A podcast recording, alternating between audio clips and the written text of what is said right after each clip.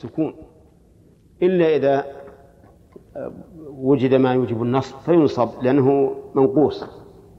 فتقول قرأت الباب الحادي والعشرين وأما إذا كان مرفوعا أو مجرورا فإنه بالسكون.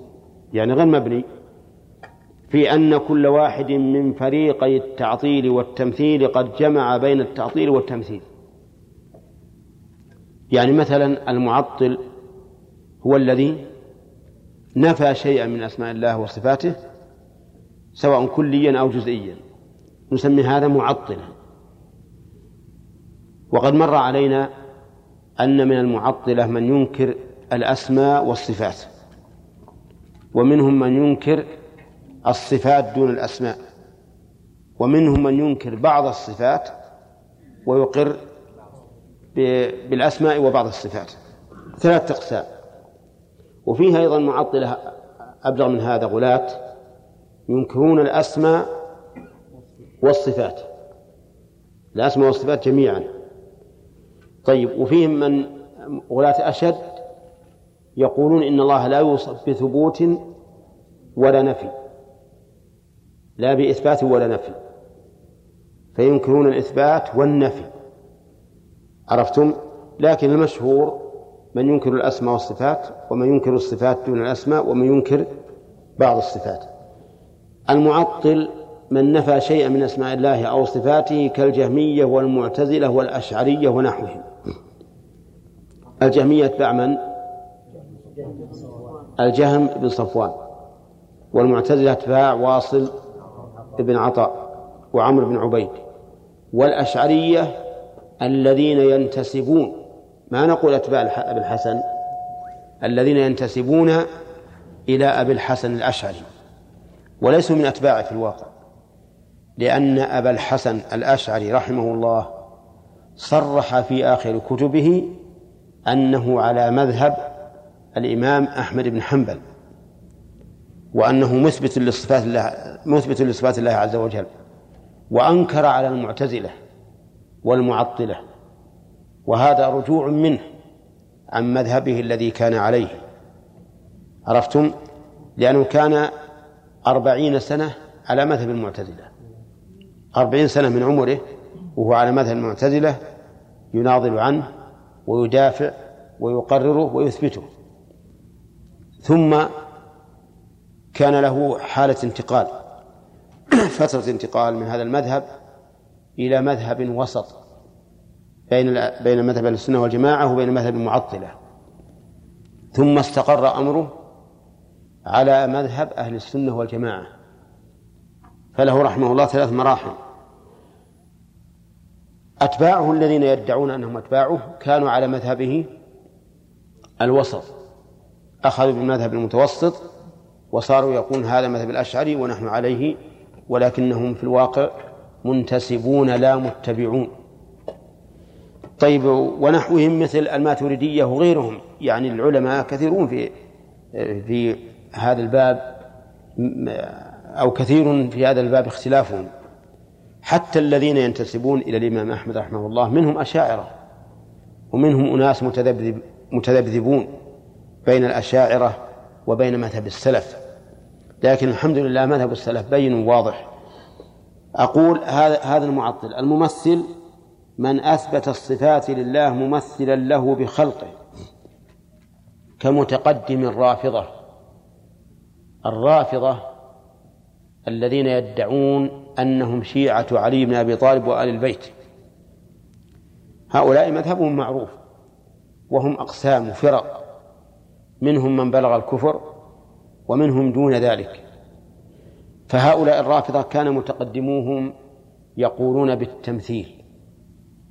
ويقولون إن الله سبحانه وتعالى عما يقولون علوا كبيرا إن الله تعالى على صورة شاب أمرد وأنه ينزل إلى السماء إلى الأرض ويفعل ويفعل.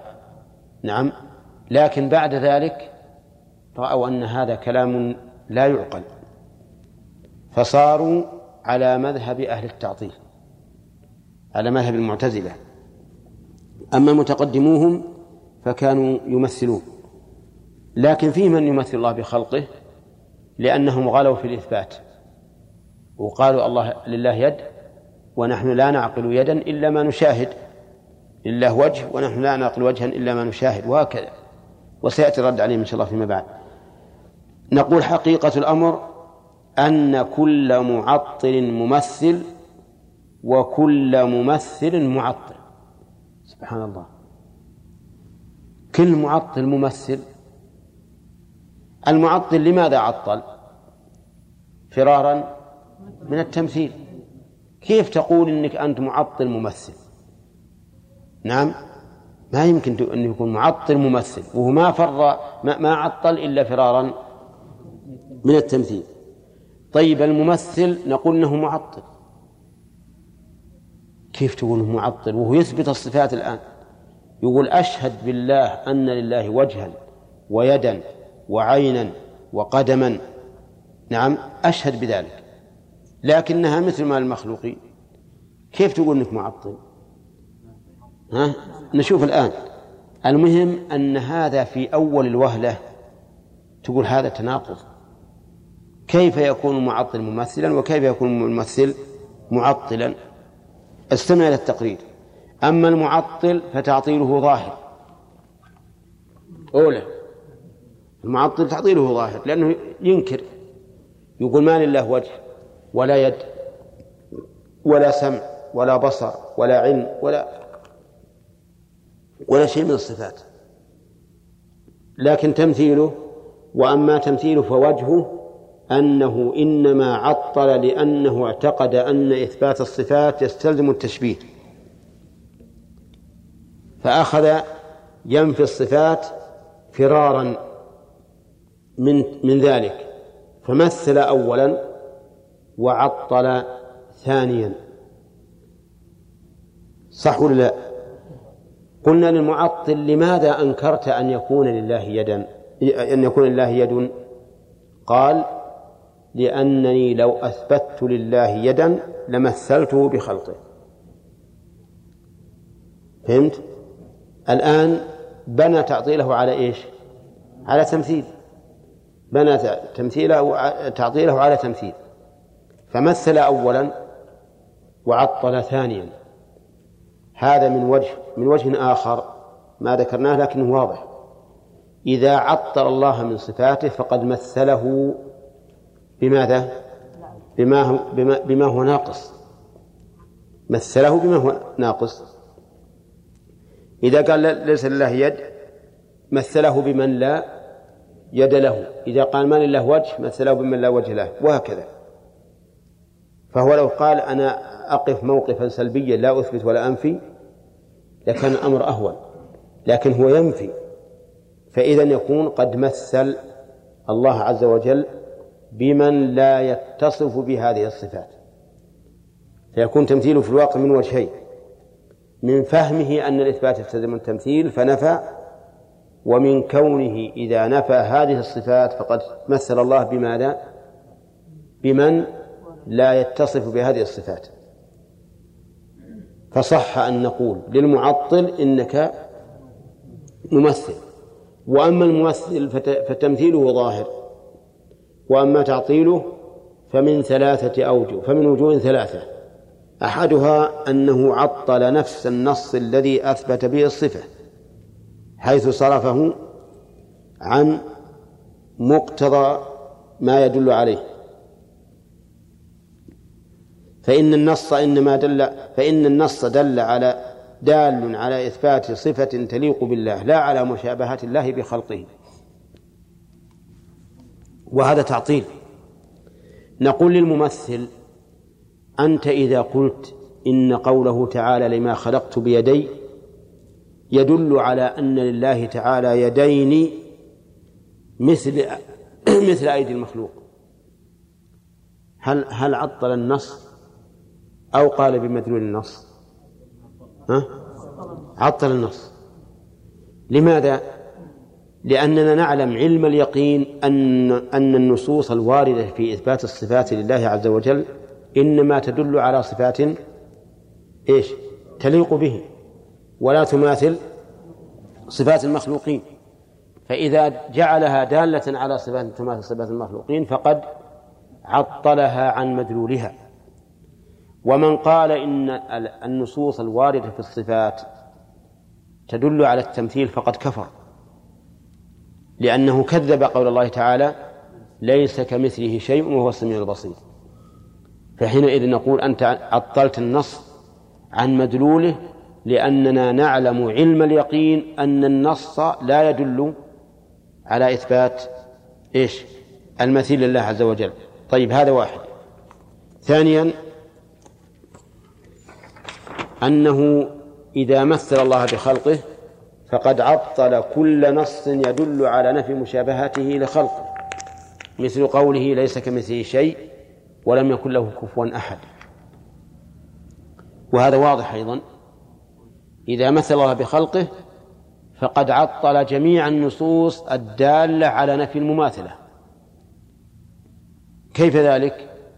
لأن إقرار النصوص الدالة على نفي المماثلة أن تقرها على أنها نافية لماذا؟ للمماثلة فإذا قلت إن الله مماثل لخلقه عطلت هذا النص. عطلته. ليس كمثله شيء وأن تقول بل مثله شيء.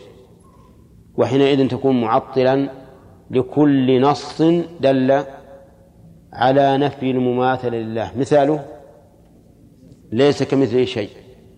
لم يكن له كفوا أحد. هل تعلم له سميا؟ فلا تجعلوا لله أندادا. وما أشبه ذلك. فأنت الآن عطلت كل نص يدل على نفي المماثل لله عز وجل.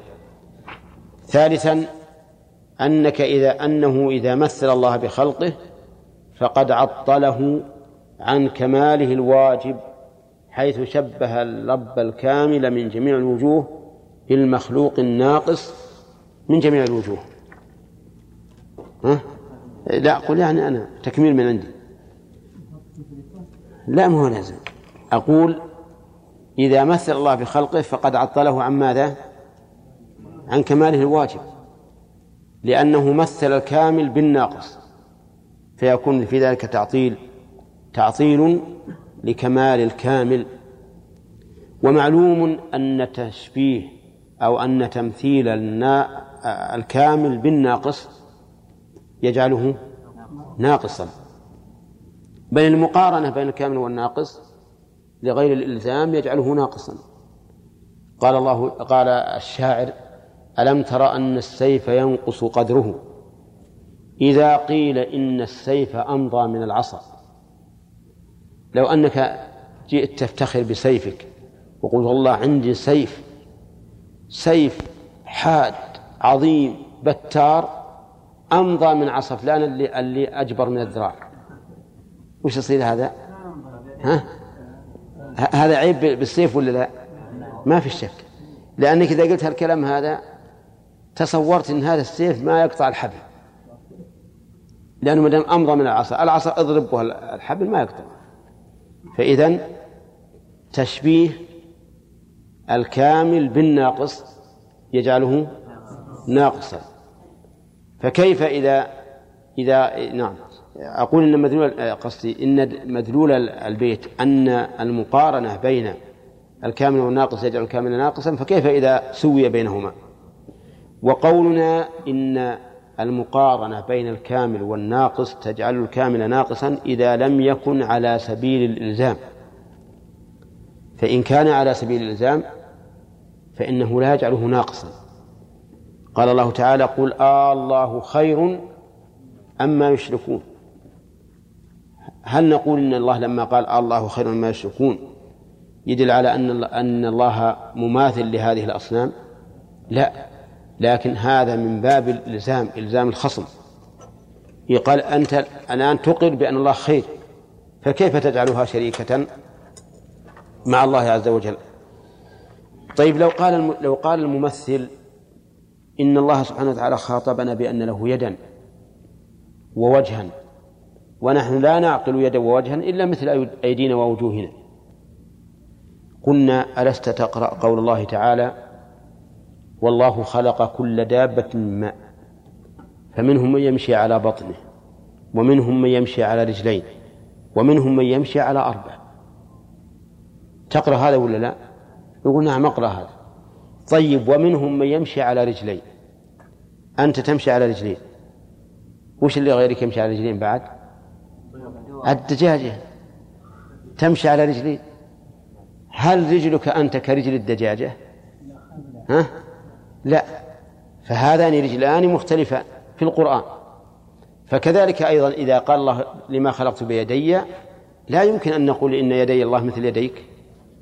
فيد الدجاجة تماثلها آه، تليق بها ويد الإنسان تليق به ويد الخالق تليق به ويد المخلوق تليق به. فلا يلزم من التشابه في الاسم أن تتشابه الحقائق. نعم. طيب. الباب أظنه واضح الآن هذا الباب مهم جدا. أن نقول للممثلين أنتم معطلون وأن نقول للمعطلين أنتم ممثلون. أي نعم. الباب الثاني الثاني والعشرون في تحذير السلف عن علم الكلام علم الكلام هو ما أحدثه المتكلمون في أصول الدين من إثبات العقائد بالطرق التي ابتكروها وأعرضوا بها عما جاء في الكتاب والسنة. طيب هذا هذا تعريف. فعلم الكلام هو عبارة عن إثبات العقائد بالطرق الكلامية المبنية على الجدل الذي يسمونه عقلا. انتبه. عبارة عن إثبات العقائد بالطرق الكلامية. ولذلك سميناه علم الكلام لكثرة لكثرة كلامه. لكثرة الكلام يعني معناه علماء الكلام تجد الواحد يكتب له صفحتين ثلاث صفحات علشان مسألة واحدة. فكلهم هذر وهذيان. ولهذا نقول ولهذا نسميه بعلم بعلم الكلام فهو إثبات العقائد بالطرق الكلامية المبنية على الجدل الذي يسمونه عقلا. هذا علم الكلام. ولم يحدث علم الكلام إلا بعد انقراض الصحابة لما دخل هؤلاء الذين آه، أرغم بعضهم على الدخول في الإسلام حاولوا أن يفسدوا العقائد وأتوا بهذه الطرق المبنية على الجدل والخصومة والنزاع والتشويش حتى إن بعضهم يقول لا تصح عقيدة الإنسان حتى يتقدمها شك. فيشك أولا ثم يحاول أن يزيل ذلك الشك. ولكن أعوذ بالله من يأمن نفسه إذا شك؟ أن يرجع إلى اليقين. أخشى أنه إذا شك رجع إلى الكفر. نعم. وعلى كل حال فكلامهم باطل من أصله. وقد حذر السلف رحمهم الله. نعم. وقد تنوعت عبارات السلف في التحذير عن الكلام وأهله لما يفضي إليه من الشبهات والشكوك. حتى قال الإمام أحمد رحمه الله لا يفلح صاحب كلام أبدا أعوذ بالله. صاحب الكلام ما يفلح. لأننا إذا رجعنا إلى أحوال المتكلمين وجدنا أنهم في حيرة وشك وقلق وأن الإنسان منهم يموت وهو شاك في دينه. قال بعض السلف أكثر الناس شكا عند الموت أهل الكلام. وكان بعضهم يقول عند موته أنا أموت على دين العجائز. دين العجز. ليش؟ لأن دين العجائز مبني على الفطرة والتسليم للنصوص. العجوز ما تعرف تجادل ولا تعرف تذهب تبني عقيدتها على الجدل. تقرأ الكتاب والسنة وتأخذ بهما فهم يتمنون أن يعودوا إلى دين العجائز ولكنه لا يحصل لهم لما في قلوبهم من الفتنة. وقال بعضهم أيضا من طلب علم الكلام تزندق. أي صار زنديقا.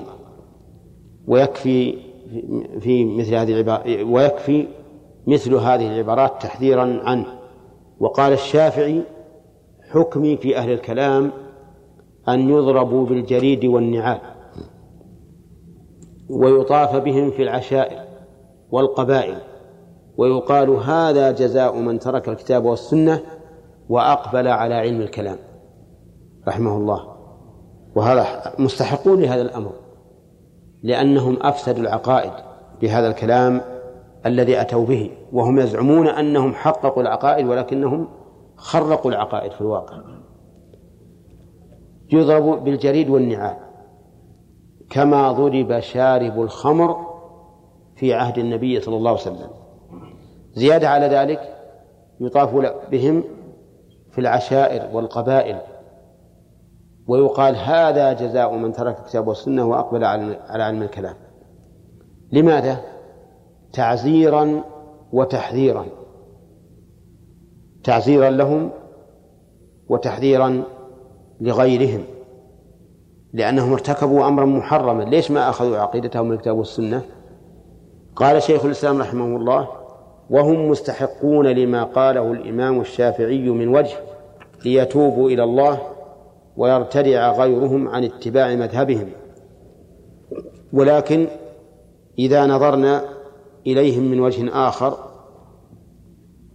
وقد استولت عليهم الحيرة واستحوذ عليهم الشيطان فإننا نرحمهم ونرق لهم. لكن كلام الشيخ أطول من هذا. يقول فإن هؤلاء أوتوا فهوما وما أوتوا علوما وأوتوا ذكاء وما أوتوا زكاء وأوتوا سمعا وأبصارا وأفئدة فما أغنى عنهم سمعهم ولا أبصارهم ولا أفئدتهم من شيء إذ كانوا يجحدون بآيات الله وحاق بهم ما كانوا به يستهزئون. هذا كلام الشيخ في الفتوى الحموية في الأصل. و... وليتني نقلته ولكنه فاتنا لأن فيه فائدة عظيمة أن هؤلاء الجماعة عندهم ذكاء. ولكن ما عندهم زكاة ما زكيت نفوسهم والعياذ بالله. عندهم فهم ولكن ما عندهم علم. لأنهم هم أقل الناس معرفة بالكتاب والسنة. حتى هم بأنفسهم مقرون على أنهم لا يعرفون شيئا من ذلك. نعم. طيب. آه، أوتوا سمعا وأبصارا وأفئدة فما أغنى عنهم سمعهم ولا أبصارهم ولا أفئدتهم من شيء إذ كانوا يجحدون بآيات الله وحاق بهم ما كانوا به يستهزئون. فنحن إذا نظرنا إليهم من جهة الشرع ماذا نصنع بهم؟ نؤدبهم كما قال الشافعي. وإذا نظرنا إليهم بعين القدر رحمناهم ورققنا عليهم. ولكن ولكن إذا اجتمع عندنا نظران نظر الشرع ونظر القدر نغلب جانب الشرع. ولهذا لو جيء إلينا بشيخ كبير شيخ كبير مريض ما يشتغل بيده اليمنى وهو سارق. سارق. سارق. إن نظرنا إليه بعين الشرع قلنا اقطعوا يده. وإن نظرنا إليه بعين القدر وإذا هو شيخ كبير وعاجز ولا يعمل إلا بيده اليمنى وليس لأهله كافل يكفلهم فإننا ها نتركه. نرقه لا نقول هذا مسكين إذا قطعنا يده ما يبقى له كافل لا له ولا لأهله. لكن الله عز وجل يقول الزانية والزاني فاجلدوا كل واحد منهم مئة جلدة ولا تأخذكم بهما رأفة في دين الله. فالدين مقدم على القدر. نعم. يقول فلنا فيهم نظران. نظر من جهة الشرع نؤدبهم ونمنعهم به من شر من نشر مذهبهم. ونظر من جهة القدر نرحمهم ونسأل الله لهم العافية ونحمد الله الذي عافانا من حالهم. وأكثر من يخاف عليه عليهم الضلال هم الذين دخلوا في علم الكلام ولم يصلوا إلى غايته هكذا قال شيخ الإسلام. أكثر من يخاف عليه الضلال الذين دخلوا في علم الكلام ولم يصلوا إلى غاية الضلال لماذا؟ استمع. يقول ووجه ذلك أن من لم يدخل فيه فهو في عافية منه منه. نعم أحسن نكتب منه لأنه موجود عندي.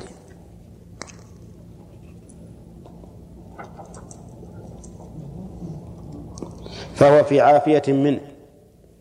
ومن وصل إلى غايته فقد تبين له فساده. ورجع إلى الكتاب والسنة كما جرى لبعض كبرائهم. فيبقى الخطر على من خرج عن الصراط المستقيم ولم يتبين له حقيقة الأمر. طيب هل عندنا شاهد يدل على أن من بلغ الغاية منه فقد رجع إلى الحق؟ نعم عندنا. من كلام رؤسائهم مثل الرازي والغزالي وغيرهم كثير.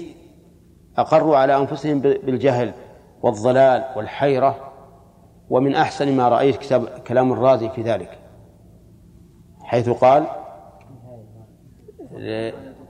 لا قبله لقد لقد تأملت الطرق الفلسفية الطرق الكلامية والمناهج الفلسفية فما رأيتها تشفي عليلا ولا تروي غليلا ورأيت أقرب الطرق طريقة القرآن أقرأ في الإثبات قوله تعالى الرحمن على العرش استوى. إليه يصعد الكلم الطيب. وأقرأ في النفي ليس كمثله شيء ولا يحيطون به علما. ومن جرب مثل تجربتي عرف مثل معرفتي. فإن هذا واضح جدا بأن هذه الطرق التي سلكوها والمناهج لا تغني شيئا. وقال آخر لعمري لقد طفت المعاهد كلها وصرفت طرفي بين تلك العوالم فلم أرى إلا واضعا كف حائر على ذقن أو قارعا سن نادم. يعني راجم كلهم حيارى مضطربين نسأل الله العافية. وقد نقل المؤلف رحمه الله في هذه الفتوى كثيرا من كلام من تكلم في هذا الباب من المتكلمين وقال وإن كنا مستغنين بالكتاب والسنة وآثار السلف عن كل كلام هذا صحيح ولا لا؟ يعني الإنسان يستغني بالكتاب والسنة وكلام السلف الصالح عن كل كلام من من, من كلام المتأخرين لكن المؤلف بين وجه. وجه نقله لكن ولكن ولكن كثيرا من الناس قد صار منتسبا إلى بعض طوائف المتكلمين ومحسنا للظن بهم دون غيرهم ومتوهما أنهم حققوا في هذا الباب ما لم يحققه غيرهم فلو أتي بكل آية ما تبعها حتى يؤتى بشيء من كلامهم. شوف الآن هذا واقع. بعض الناس ينتسب إلى طائفة معينة. نعم. ويحسن الظن بها. ويرى أنها حققت في هذا الباب ما لم يحققه غيرها حتى إن بعض الناس تقول قال رسول الله صلى الله عليه وسلم كذا وكذا ثم يقول لك وش يقول فلان؟ الشيخ الفلاني. نعم هذا خطأ. نعم ولما سئل الإمام الشافعي رحمه الله عن مسألة فقال قال فيها رسول الله صلى الله عليه وسلم كذا وكذا. قال له السائل ما تقول أنت؟ ما تقول أنت؟ فقال له غضب. قال أتراني في في كنيسة؟ أتراني في بي في بيعة؟ أتراني كذا وكذا؟ أقول لك قال رسول الله ثم تقول ما تقول أنت؟ فوبخه على ذلك. لأن هذا هو المؤمن. المؤمن هو الذي لا يقول ماذا قال فلان. يقول ماذا قال الله ورسوله. هذا المؤمن. وما كان لمؤمن ولا مؤمنة إذا قضى الله ورسوله أمرا أن يكون لهم الخيرة من أمرهم. ومن يعص الله ورسوله فقد ضل ضلالا مبينا. نعم الإنسان القاصر صحيح أنه إذا رأى عالما من أهل العلم الموثوق بعلمهم وأمانتهم يحترم هذا القول. يحترم هذا القول ولا يجزم بمخالفته حتى يتبين له أنه على خطأ. ولهذا كثيرا ما نطالع كلام شيخ الإسلام ابن تيمية وكلام ابن القيم وغيرهم من المحققين نستضيء بآرائهم ونهتدي بها. لكن إذا علمنا أنها مخالفة للكتاب والسنة فإننا لا لا نقدمها على كتاب الله وسنة رسوله صلى الله عليه وسلم. طيب يقول آه ثم قال وليس كل من ذك وليس كل من ذكرنا قوله من المتكلمين وغيرهم نقول بجميع ما يقوله في هذا وغيره ولكن الحق يقبل من كل من تكلم به. المؤلف رحمه الله نقل عن المتكلمين عن أكابرهم وعمن هم محترمون عند أتباعهم في كتاب الفتوى الحموية. نقل شيئا كثيرا. يعني بعضهم ينقل عنه الصفحات من صفحة واحدة وبعضهم ينقل عنه كلاما قليلا. المهم إن في أثناء الكلام الذي ينقله ما نعلم علم اليقين أن شيخ الإسلام لا يراه. ولهذا هو قال عن نفسه ليس كل من ذكرنا قوله من المتكلمين وغيرهم نقول بجميع ما يقوله في هذا وغيره. ولكن الحق يقبل ممن من كل من تكلم به حتى ولو كان كافرا. ها؟ لو كان كافرا. إي نعم. إذا جاء الإنسان بالحق فاقبله لا لأنه جاء به فلان ولكن لأنه الحق. كما أن من جاء بالباطل نرده ولو كان من قاله من أهل الحق. لأن الواجب أن نتبع الحق حيثما كان. ويعرف الحق بالرجال؟ ها؟ أو الرجال بالحق؟ نعم. يعرف الرجال بالحق ولا يعرف الحق بالرجال لكن لا شك أن من كان مأمونا فإن قوله له قيمته. ولهذا قال الله تعالى يا أيها الذين آمنوا إن جاءكم فاسق بنبأ فتبينوا. فأمر بالتبين في خبر الفاسق لأنه ليس أهلا لأن يقبل قوله ولكن العدل أمر بقبول قوله. نعم. فبين رحمه الله أن الغرض من نقله بيان الحق أن الغرض من نقله بيان الحق من أي إنسان وإقامة الحجة على هؤلاء من كلام أئمتهم والله أعلم. وهذا موجود الآن. الآن إذا قلت مثلا لواحد هذا مذهب قلت إذا أتيت بحكم مسألة من المسائل واستنكرها من يقول هذا؟ قلت هذا مذهب الإمام أحمد.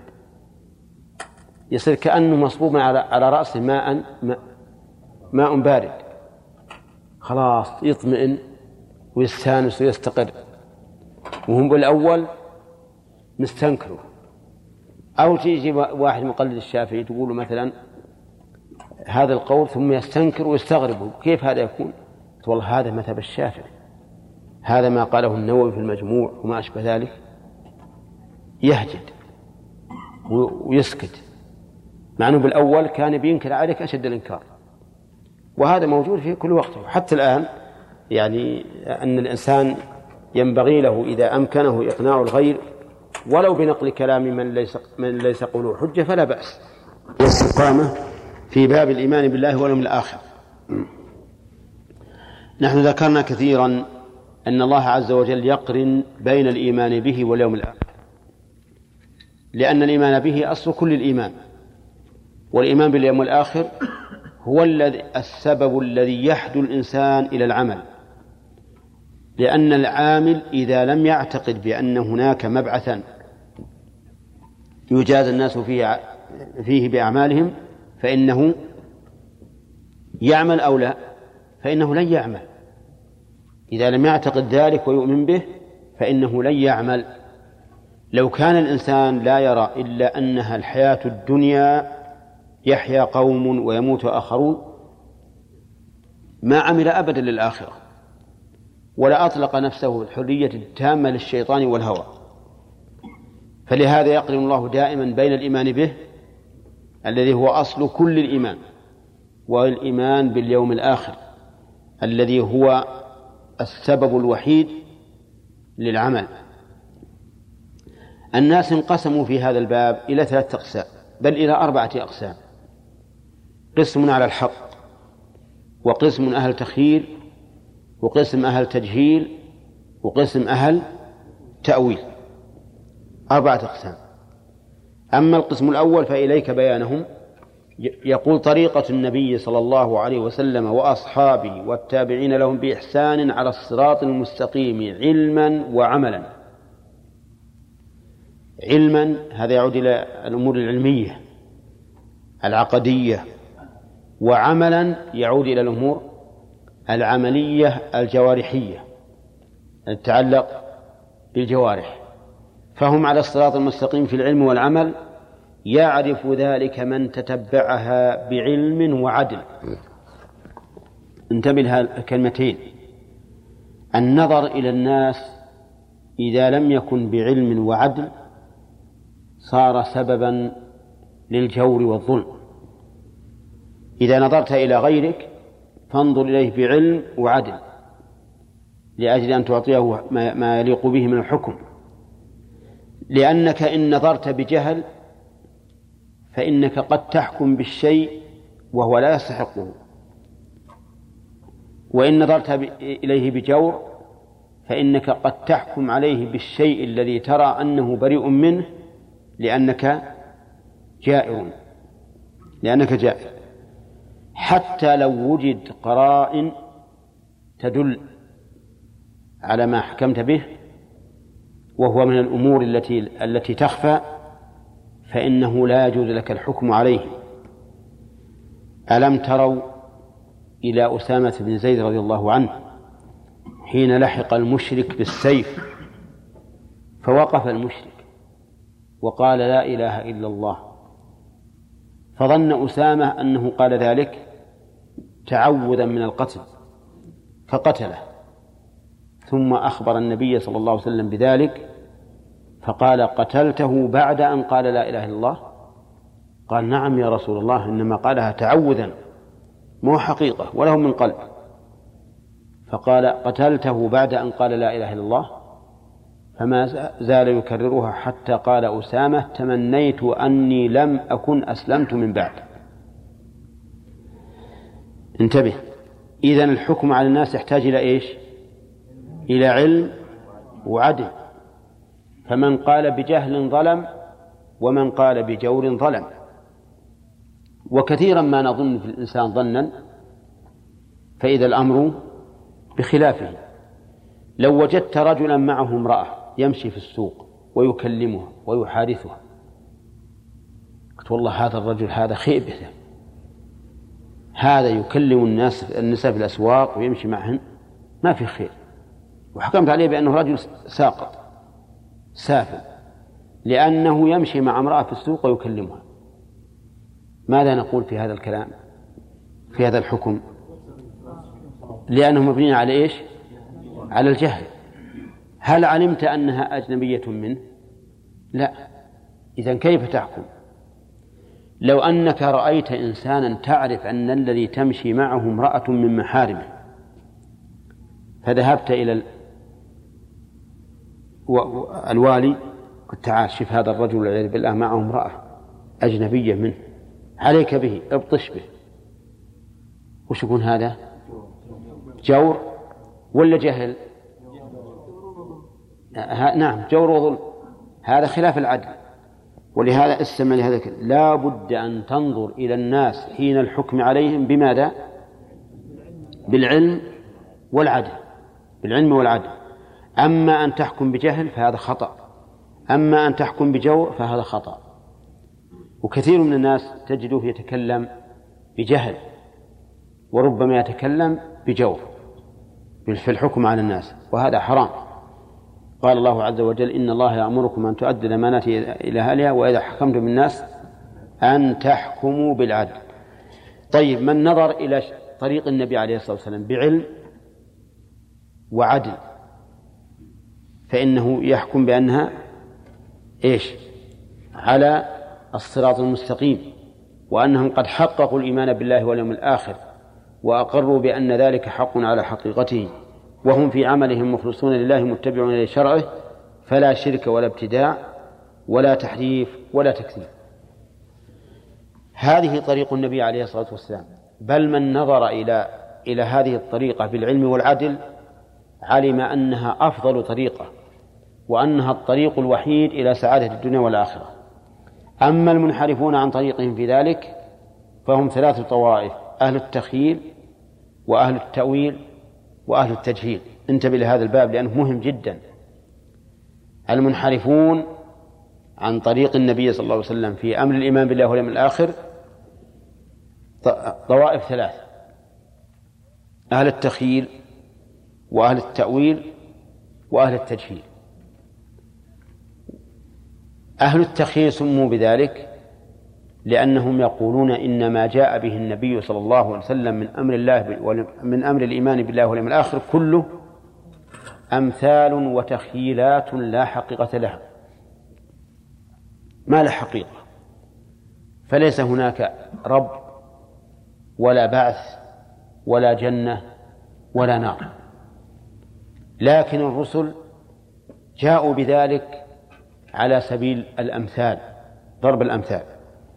وعلى سبيل التخيلات حتى يتخيل الناس أن هناك ربا ويوما آخر وجزاء وعقابا. أنتم معي يا جماعة؟ ولهذا سموا بهذا الاسم سموا أهل التخيل لأنهم يقولون به. من هؤلاء؟ يقول فأما أهل التخيل فهم الفلاسفة والباطنية ومن سلك سبيلهم من المتكلمين وغيرهم. الفلاسفة هؤلاء هم الذين يدعون أنهم الحكماء العقلاء ويرون أن العلوم التي سوى علومهم ليست بشيء. حتى علوم الأنبياء عندهم ليست بشيء. يقول هذه علوم عجائز ولا ولا تصلح لأهل العقل. وطبعا هم ينكرون الخالق. وينكرون اليوم الآخر. لأنهم ماديون دهريون. لا يؤمنون بشيء والعياذ بالله. ومع ذلك عندهم من الكبرياء والغطرسة ما يجعلهم يرون الناس كأمثال الذر ولا يعبأون بهم. فهم فلاسفة والباطنية. الباطنية هم الذين يقولون إن الدين له ظهر وبطن أو ظاهر وباطن. فالظاهر لأهل الظاهر والباطن لأهل الباطن. من هم أهل الظاهر؟ أهل الظاهر هم السذج الذين يلعب الناس بعقولهم. يقولون في جنة وفي نار وفي صلاة وصوم حج ما أشبه ذلك ويمشون. هذا العوام. والباطن هو الذي عليه أئمتهم. وسيأتي إن شاء الله بيان مذهبهم وطريقتهم في العمل. هؤلاء يقولون إنما جاءت به الأنبياء مما يتعلق بالإيمان بالله واليوم الآخر أمثال وتخيلات لا حقيقة لها في الواقع. أعوذ بالله. يعني الواقع عندهم أنه لا رب ولا بعث ولا جزاء وإنما هي أرحام تدفع وأراض تبلع فقط ولا في الشيء ولكن وإنما المقصود بها انتفاع العامة وجمهور الناس لأن الناس إذا قيل لهم إن لكم ربا عظيما قادرا رحيما قاهرا وأمامكم يوما عظيما تبعثون فيه وتجازون بأعمالكم ونحو ذلك ونحو ذلك استقاموا على الطريقة المطلوبة منهم وإن كان هذا لا حقيقة له على زعم هؤلاء. يقولون هذا ما له حقيقة. طيب ليش الناس الرسل تأتي وتقول للناس إن لكم ربا وإن هناك جنة وهناك نارا؟ قال نعم. قالوا هذا لأجل أن يسير الناس على ما وجهوهم إليه. لأنه إذا قيل للناس إن لكم ربا رحيما قادرا عظيما شديد العقاب وما أشبه ذلك ولكن افعلوا كذا وافعلوا كذا واتركوا كذا واتركوا كذا وإلا فسيعاقبكم هذا الرب. ينصعون ولا لا؟ نعم ينصعون لهذه الأوامر. ويطيعون. لكن إذا لم يقل إذا لم يقل لهم ذلك كل ركب رأسه ولا همه أحد. طيب إذا فعلى هؤلاء يكون ذكر الله عز وجل وذكر اليوم الآخر ما هو إلا تخويف وترويع فقط. مثل ما تقول للصبي اسكت ولا ترى بيجيك البعبع. نعم؟ ولا ترى بينزل عليك من السماء صفيحة حامية. العام يقولون مقرصة حامية. مقرصة اللي يصنع بها القرص. هل صحيح هذا؟ لكن قلنا قلنا له ذلك الشيء من أجل يسكت. يتروع ويسكت فهذا هو هذا هو الأمر عند هؤلاء الفلاسفة والباطنية ومن تابعهم. ولا ما فيه رب ولا جزاء ولا بعث. نسأل الله العافية والسلامة. ثم هل ما قالوه هو ما استقر في فطرهم؟ الجواب لا. لأنه لا يمكن لأحد أن ينكر الخالق. قد ينكر الجزاء ولكن إنكار الخالق لا يمكن أبدا. لأن أي عاقل لا يمكن أن يقول إن الحادث يحدث بدون محدث أبدا. لكن هذا هذا كلامه. ثم إن هؤلاء على قسمين غلاة وغير غلاة. فأما الغلاة الغلاة في الموغلين في مذهبهم فيزعمون أن الأنبياء لا يعلمون حقائق هذه الأمور وأن من المتفلسفة الإلهية ومن يزعمونه أولياء من يعلم هذه الحقائق. قولها المتفلسفة الإلهية. هناك فلاسفة طبائعيون ما يتكلمون في الإلهيات يتكلمون في الطبيعة وأحوالها ونتائجها وأما مسألة الإلهيات والعبادات ما يبحثون فيها. وفيه فلاسفة في الإلهيات يتكلمون في الله عز وجل على على زعمهم ويجعلونه على ما يريدون. الغلاة يقولون إن الأنبياء لا يعلمون الحقيقة. ها؟ سمعوا وحيا أوحي إليهم وقيل لهم اصنعوا كذا وامروا الناس. أن من الفلاسفة من هو أعلم بالله واليوم الآخر من النبيين الذين هم أعلم الناس بذلك. وأما غير الغلاة فيزعمون أن الأنبياء يعلمون حقائق هذه الأمور ولكنهم ذكروا للناس أمورا تخيلية لا تطابق الحق لتقوم مصلحة الناس إلى آخره. هؤلاء الطائفة الثانية من الفلاسفة يقولون إن الرسل يعلمون إن ما هناك رب ولا ولا بعث. لكن رأوا أن المصلحة لا تقوم إلا بهذا. أي بأن يقولوا إن هناك ربا وبعثا. لأجل إيش؟ ها؟ لمصلحة الخلق. على الشيء ويوافقونهم على ما يقولون. وهؤلاء يزعمون أن الأنبياء عباقرة أذكياء عقلاء وليس لهم صلة بالله لأن ما في, ما في إله عندهم. لكن هذا النبي عندهم رجل من العباقرة الأذكياء اصطنع بنفسه أمورا يرى أنها مصلحة كالقوانين الوضعية فدعا الناس إليها وحذرهم من مخالفتها بهذا الرب وهذا البعث وليس هناك بعث ولا جزاء. نعم. يقول فالطائفة الأولى حكمت على الرسل بالجهل. أولى. ها؟ الطائفة الأولى الذين يقولون إن الرسل لا يعلمون الحقائق على ما هي عليه. هؤلاء قالوا إن الرسل جهال فدعوا إلى الجهل ودعوا بجهل. والثانية حكمت عليهم بالخيانة والكذب لأن الرسل على زعمهم يعلمون أنه ليس رب ولا جزاء ولكن قالوا للناس إن لكم ربا وجزاء وهم يكذبون عليه. فحكموا عليهم بالكذب والخيانة. أيهما أشد؟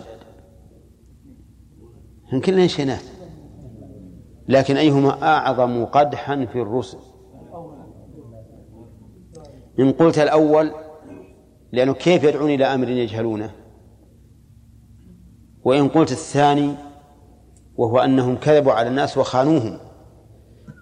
الثاني الطائفة الثانية يقولون أن الرسل يعلمون الحقائق على ما هي عليه وأنه ما فيه رب ولا جزاء لكن كذبوا على الناس من أجل المصلحة. إذن هم كذبوا وخانوا. كذبوا على الناس وقالوا إن لكم ربا وخانوهم حيث لم يعلموهم بالحقيقة. أما الأولون فإنهم جهلاء جهلوا النبي. فباعتبار حال النبي وضعفه وعجزه الطائفة الأولى أشد. وباعتبار خيانة النبي وكذبه فالثانية أشد. قال هذا هو قول أهل التخيل فيما يتعلق بالإيمان بالله واليوم الآخر. أما في الأعمال فمنهم من يجعلها حقائق يؤمر بها كل أحد ومنهم من يجعلها تخيلات ورموزا يؤمر بها العامة دون الخاصة. قالوا العمل الآن إحنا فهمنا الاعتقاد عندكم أنه ما فيه رب ولا جزاء. لكن في العمل تؤمنون بالصلاة؟ انقسم بعضهم قال نعم. نؤمن بالصلاة والزكاة والصيام والحج. ونقول إن هذه الأعمال مصلحة للعامة ها وللخاصة وكل يؤمر بها. فنقول للعامة صلوا ونقول للخاصة صلوا. ونقول للعامة زكوا ونقول للخاصة زكوا. ونقول للعامة صوموا ونقول للخاصة صوموا. ونقول للعامة حجوا ونقول للخاصة حجوا. لأن هذه أعمال تؤثر على الإنسان انطباعا خاصا يكون منقادا للفضائل. فنأمر بها كل أحد. ومنهم من يقول لا حتى الأعمال لا حقيقة لها وإنما يؤمر بها العامة دون الخاصة. فعندهم أن الرسل من العوام ولا من الخواص؟ من العوام. لأنهم هم اللي يصلون ويزكون ويصومون ويحجون. كل العالم اللي يتعبد لله عندهم من العوام الذين لا يعرفون الحقائق ولا يعرفون الأمور. وأما الخواص فإنهم لا يؤمرون بهذه الصلوات ولا بهذه الصيام ولا بالزكاة ولا بغيرها.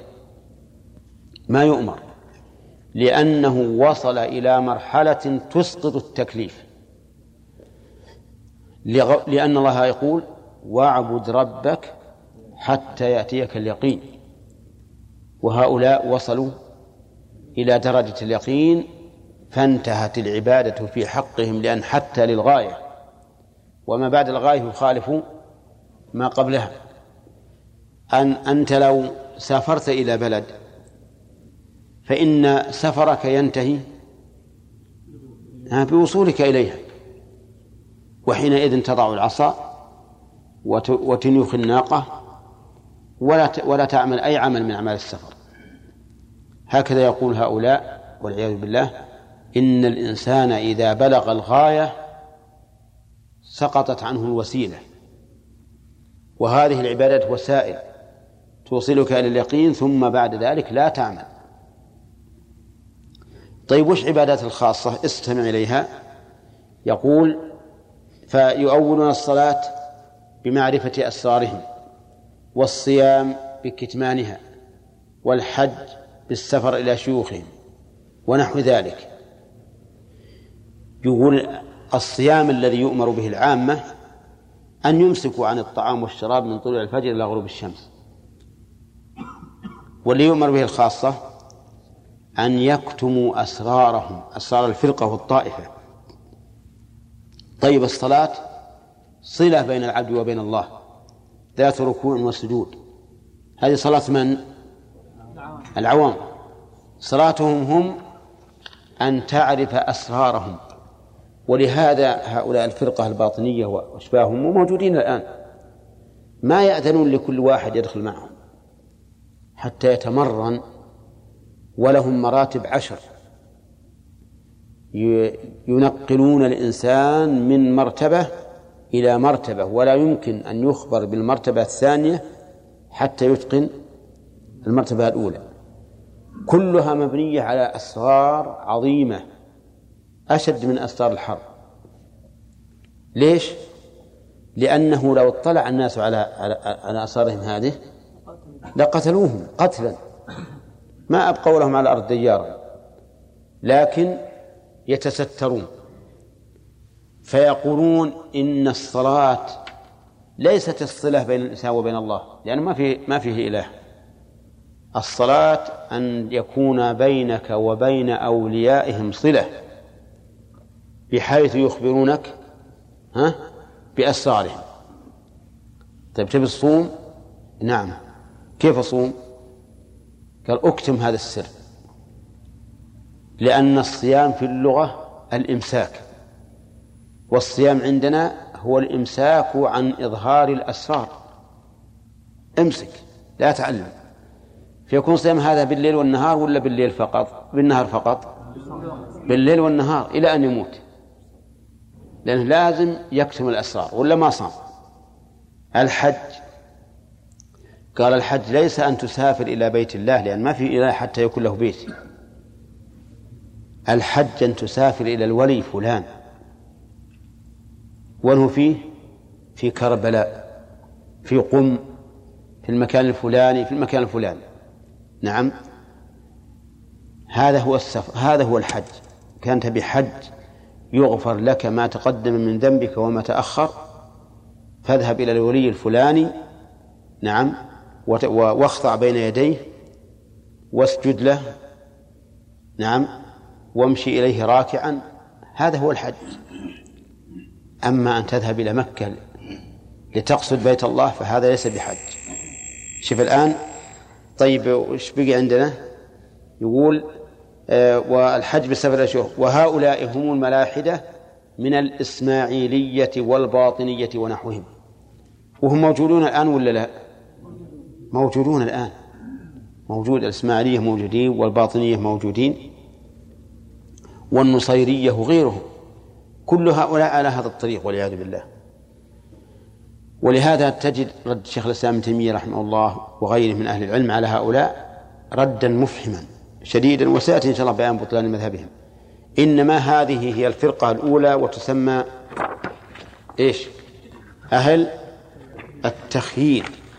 لأنهم يرون أن أن أن الله سبحانه وتعالى أن الإيمان به تخييرات فقط ما هو حقيقة؟ نعم.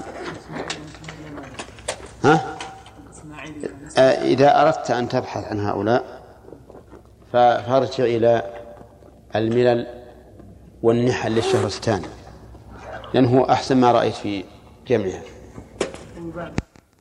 هذا وهو قول أهل فيما يتعلق بالإيمان بالله واليوم الآخر. صفحة 52 عندي. نعم. ها؟ طيب هذا هو هذا هو قول أهل التخيير فيما يتعلق بالله واليوم الآخر. أما في الأعمال فمنهم من فمنهم فمنهم من فمنهم من يجعلها حقائق يؤمر بها كل كل, أحد.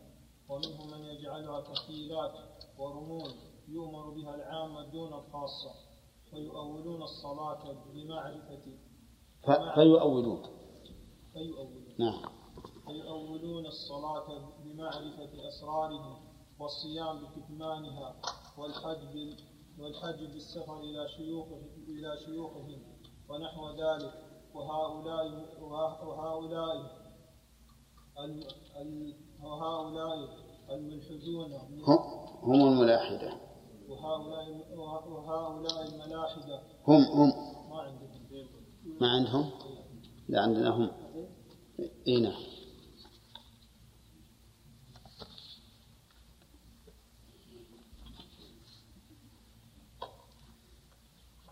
الشرائع واقتضته واقتضته حكمة الله البالغة ولا ينكره ولا ينكره إلا ما إلا ما إلا مكابر أو مجنون أو أهل التخيير. وأهل التخيير. وأهل التخيير. لا يحتاجون في الرد عليهم إلا شيء إلى إلى شيء كثير. إلا إلا أن إلا أن النفور لأن لأن نفور الناس.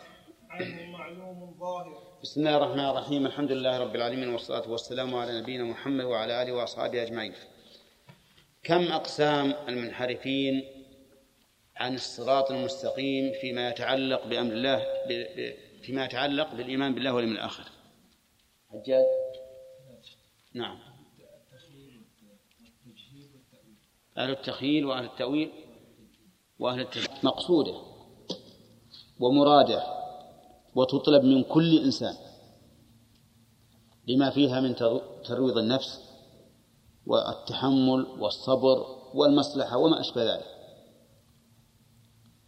وقسم آخر قالوا إن هذه العبادات لا حقيقة لها وليست مقصودة لذاتها وإنما تقصد لغاية إذا بلغها الإنسان ها؟ سقطت عنه. وعلى هذا فيؤمر بها العامة دون الخاصة. أما الخاصة الذين بلغوا الذروة فإنهم لا يؤمرون بها ولا تطلب منهم. ولهذا هم من هم من حيث الأعمال إباحيون. من حيث الأعمال إباحيون. يقول لا تصلي لا تزكي لا تصوم لا تحج لا تتزوج ازني بمن شئت والعياذ بالله.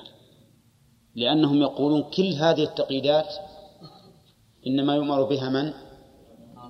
العوام الذين لا يصلحون إلا بها. أما الخواص الذين بلغوا الغاية فإنهم لا يؤمرون.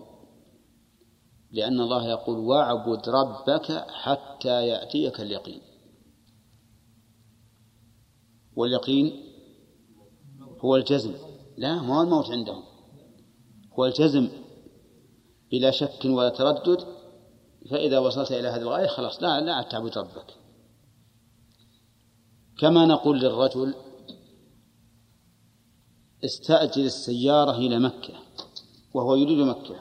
إذا وصل إلى مكة ها يبقي السيارة ولا يدعها يدعها هذا طريقتهم في باب العبادات. فصاروا في والعياذ بالله في الاعتقادات والأمور العلمية متفقين على إنكارها. لكنهم اختلفوا هل الرسل يعلمونها أم لا. أما في العبادات فمختلفون. فمنهم من قال إنها مرادة ومصلحة للخلق عامتهم وخاصتهم ومنهم من قال إنها ليست مرادة وإنما يؤمر به العامة ليصلوا إلى درجة اليقين فإذا وصلوا إلى درجة اليقين سقطت عنهم وهذه ولهذا لا نأمر الخاصة بذلك. طيب يقول في مدة درس اليوم وهؤلاء هم الملاحدة من الإسماعيلية والباطنية ونحوهم. وهم كما قال الشيخ ابن تيمية أكثر من اليهود والنصارى. أكثر من اليهود والنصارى لأن اليهود والنصارى يؤمنون بالله وباليوم الآخر. وإن كانوا وإن كان هذا الإيمان لا ينفعهم لأنهم كافرون بمحمد رسول الله صلى الله عليه وسلم لكن الإسماعيلية والباطنية ومن ومن أشبههم هؤلاء ملحدون غاية الإلحاد. هم يقول وقد وفساد قول هؤلاء معلوم بضرورة الحس والعقل والشرع. وش معنى بضرورة الحس؟ الضرورة